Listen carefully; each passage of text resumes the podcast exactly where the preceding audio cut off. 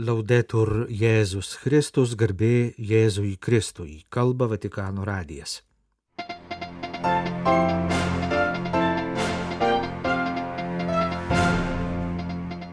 Popiežius pasiuntė žinę ketvirtadienio vakarą Romoje vykusio sprogimų prie bažnyčių 30 metų sukakties minėjimo dalyviams.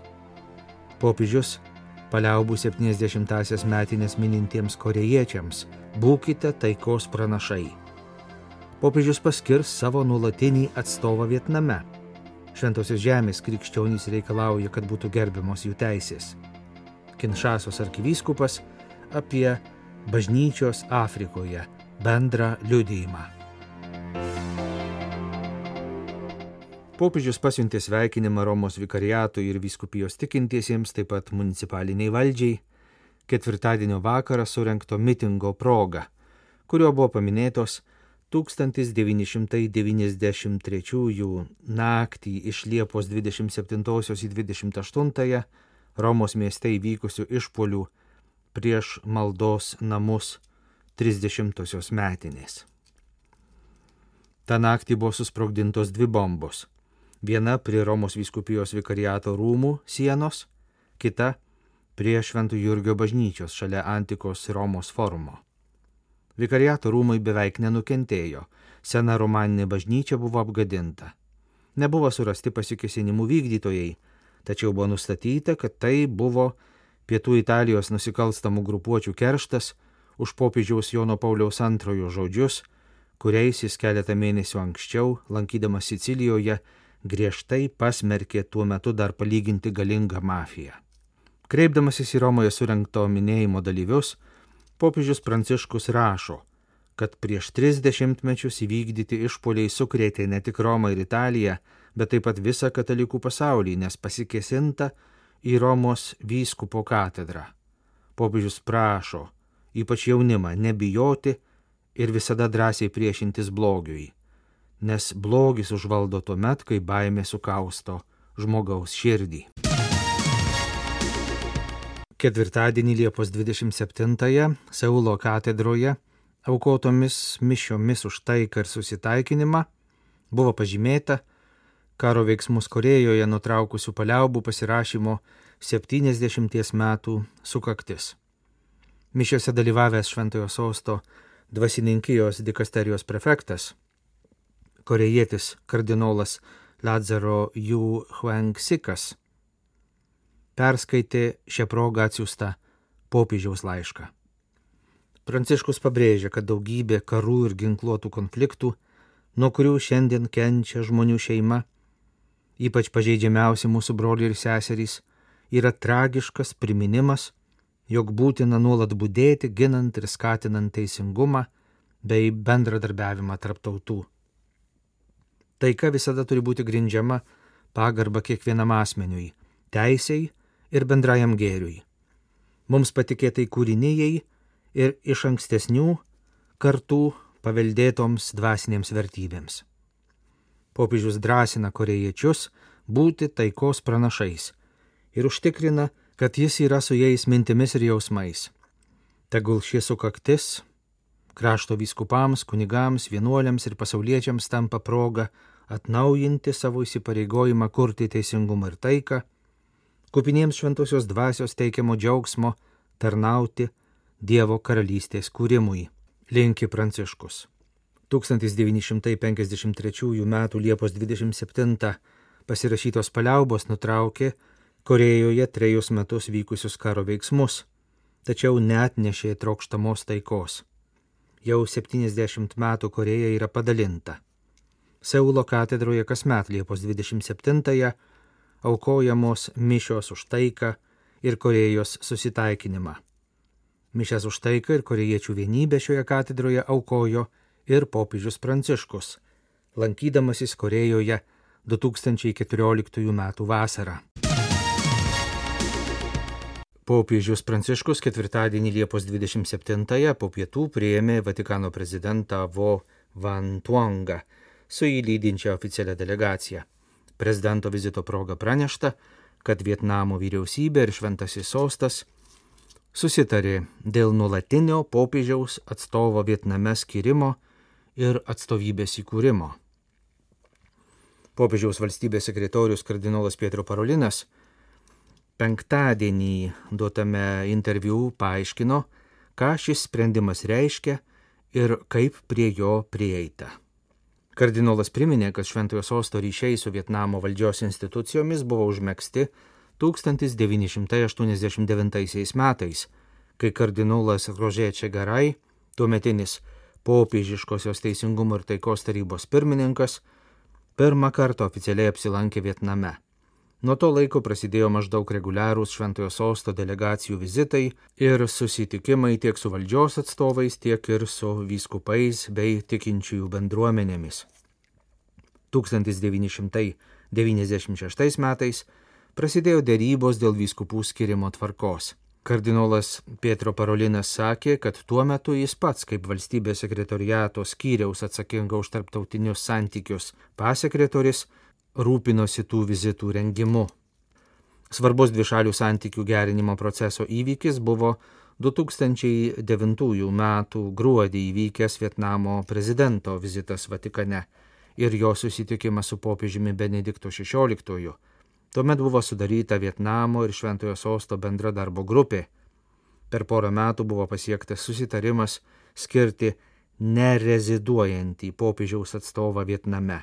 Pirmojų tokiu atstovu 2011 sausio 13 dieną buvo paskirtas tuometinis nuncijos Singapūrė. Kardinolas pabrėžė, kad visų dvišalių susitikimų pagrindas visada buvo abipusė pagarba ir noras eiti pirmin. Nenutylint savo pozicijų, bet nuoširdžiai aptariant jas ir jų motyvus. Šiame procese visą laiką dalyvavo ir Vietnamo vyskupai, kurie pateikdavo savo apmąstymus bei vertinimus. Buvo einama žingsnis po žingsnio, nesiekiant galutinio rezultato iš karto, bet palaikant laipsnišką religijos laisvės principo derinimą su vietos įstatymais ir papročiais. Aiškindamas, koks bus popiežiaus nulatinio atstovo Vietname statusas, kardinolas sakė, kad jo kaip ir nuncijų užduotis bus stiprinti draugiškus Šventojo sosto ir Vietnamo vyriausybės santykius.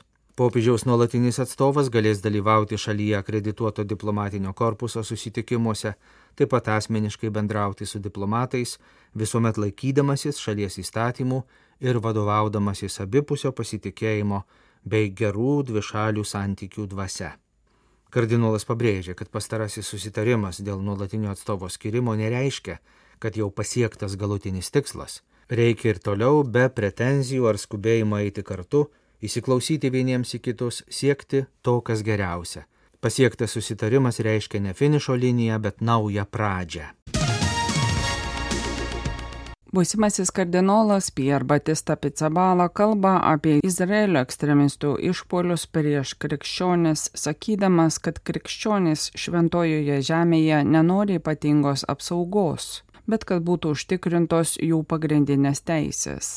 Priekabiavimas ir išpoliai prieš krikščionis Izraelyje yra žydų ultranacionalistų mažumos, tarpstančios tam tikroje kultūrinėje terpėje veiksmai, o nedidėjančios netolerancijos Izraelio visuomenėje išraiška, sako Jeruzalės lotynų patriarchas busimasis kardinolas Pierre Batista Pizzabala.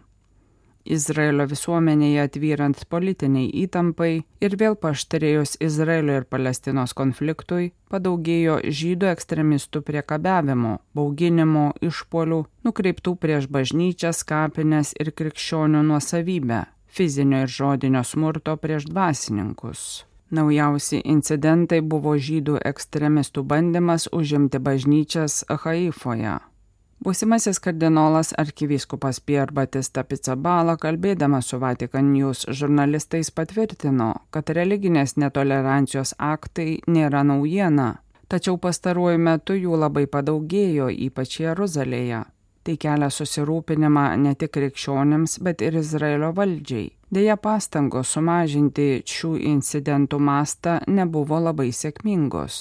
Patriarchas Picabala paaiškino, kad smurtas iš esmės susijęs su naujomis Izraelio naujakurių kartomis okupuotose teritorijose, kurios išaugo socialinėme ir kultūrinėme smurto ir polarizacijos kontekste, kuris skatina kai kurie radikalūs religiniai lyderiai. Ši situacija vis labiau neramina krikščionių bendruomenės. Pasak arkiviskopo krikščionis šventojoje žemėje nori ne ypatingos apsaugos, o pagarbos savo pagrindiniams teisėms, kurias demokratinė valstybė turėtų garantuoti visiems piliečiams ir bendruomenėms, nepaisant jų religinių pažiūrų. Nors policija deda pastangas užtikrinti įstatymų laikymasi, atrodo, kad Izraelio vyriausybė neskiria pakankamai dėmesio šiam klausimui.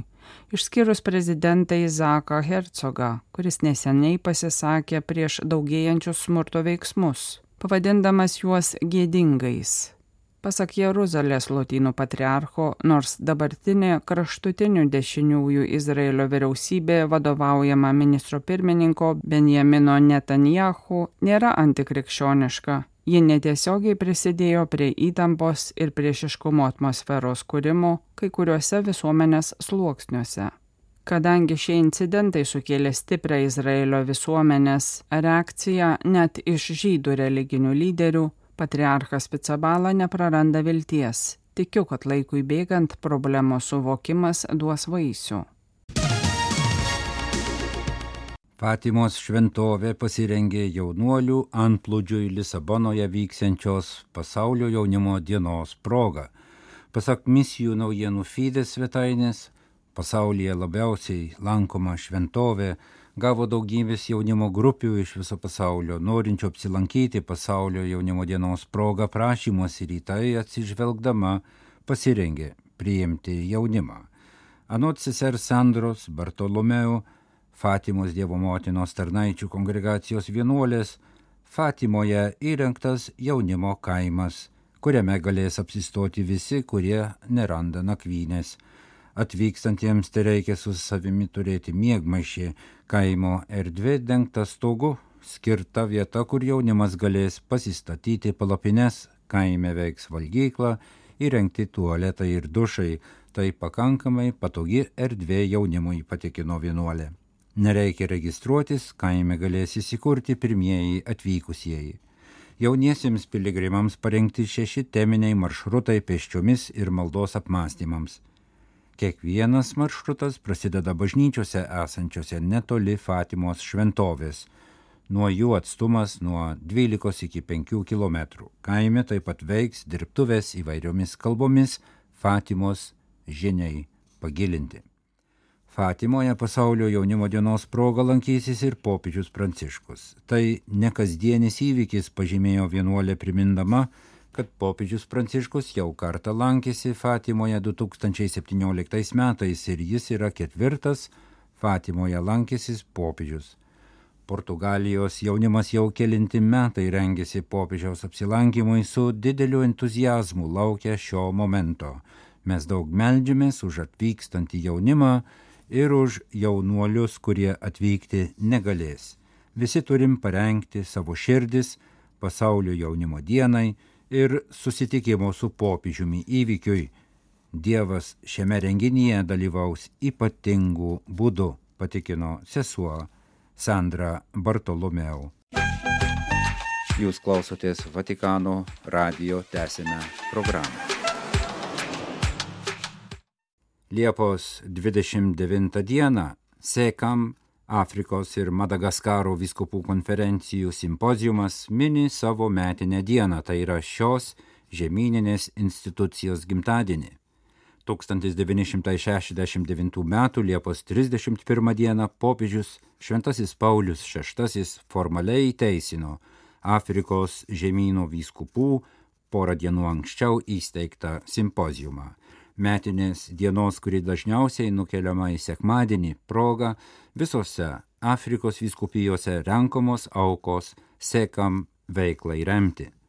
Sukakties proga Afrikos ir Madagaskaro vyskupų konferencijų simpozijumo pirmininkas kardinolas Fridolinas Ambongo, Kinšasos arkivyskupas, paskelbė pastoracinį laišką Afrikos katalikų bendruomenėms, ragindamas remti simpozijumą kartu iš naujo įprasminti sekam kuriejų sieki, išsaugoti, puoselėti ir skatinti visų Afrikos episkopatų, bendrystę, bendrus veiksmus ir bendradarbiavimą.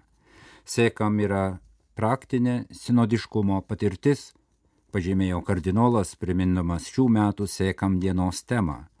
Visuotinės bažnyčios sinodinė kelionė skatina iš naujo atrasti simpozijumo vertingumą. Sinodiškas bažnyčios ėjimas kartu yra tai, ko nuo įsikūrimo siekia simpozijumas Kardinolas Ambongo prisiminė, kad bendrystės šeiminiškumo, komandinio darbo ryšiai, bendruomeninis dalymasis ir bendrumas yra tai, kas bažnyčia Afrikos žemynė skatina save suvokti kaip Dievo šeimą. Bažnyčios kaip Dievo šeimos įvaizdis akcentuoja rūpinimąsi kitais, solidarumą, šilumą žmonių santykiuose, prieimimą, dialogą, ir pasitikėjimą parašė kardinolas cituodamas 1995 m. posinodinį paraginimą Eklezija in Afrika. Sekam kuriejai žemyninę viskupų konferencijų organizmą pavadindami simpozijumu ir siekia pabrėžti bendrystę ir brolybę, tęsė laiškė simpozijumo pirmininkas. Anot jo, Sekam priklauso Afrikos viskupams, tačiau Kolegialumas ir bendrystė bažnyčioje reiškia, kad simpozijumas, siekdamas būti reikšmingas visuotiniu lygmeniu, visų pirma privalo būti veiklus vietiniu lygmeniu. Kardinolas Ambongo, Kongo Demokratinės Respublikos sostinės arkivyskupas patikino, jog visuotinė bažnyčia yra per didelė tikrovė, kad galėtų siūlyti vieną bendrystės ir solidarumo sampratą visuotinė bendrystė geriau atsispindi per žemyninį organizmą, tokį kaip sėkam. Kaip individai esame kaip lašas jūroje bažnyčios visuotinių lygmenių. Be sėkam negalėtume savo kaip Afrikos katalikų buvimo išreikšti bažnyčios visuotinių lygmenių. Kita vertus, jei nesinaudosime simpozijumu bažnyčios afrikietiškai tapatybei išreikšti, nuskurdinsime visuotinę bažnyčią, nes jos pilnatvė glūdi tame, kad visos tautos ir gentys šioje bažnyčioje gali jaustis kaip savo namuose. Vyskupai gali savo įnašų prisidėti prie žemynų pertvarkymo, kai yra bendrystėje su žemyniniu simpozijumu, pažymėjo kardinolas Ambongo ir pridūrė, neremdami žemyninės viskupų konferencijų institucijos, rizikuotume paversti bažnyčią nereikšmingą. Afrikos ir Madagaskaro viskupų konferencijų simpozijumo pirmininkas kardinolas Ambongo laiško pabaigoje išsakė prašymą, kad visi kartu - vyskupai, kunigai, pašvestieji ir pasauliečiai atnaujintų įsipareigojimą remti simpozijumo misiją, skelbti gerąją Jėzaus Kristaus naujieną visiems afrikiečiams ir salų gyventojams kad Dievo šeimos bažnyčia taptų gyvastingesnė, šventesnė ir dar labiau misionieriška.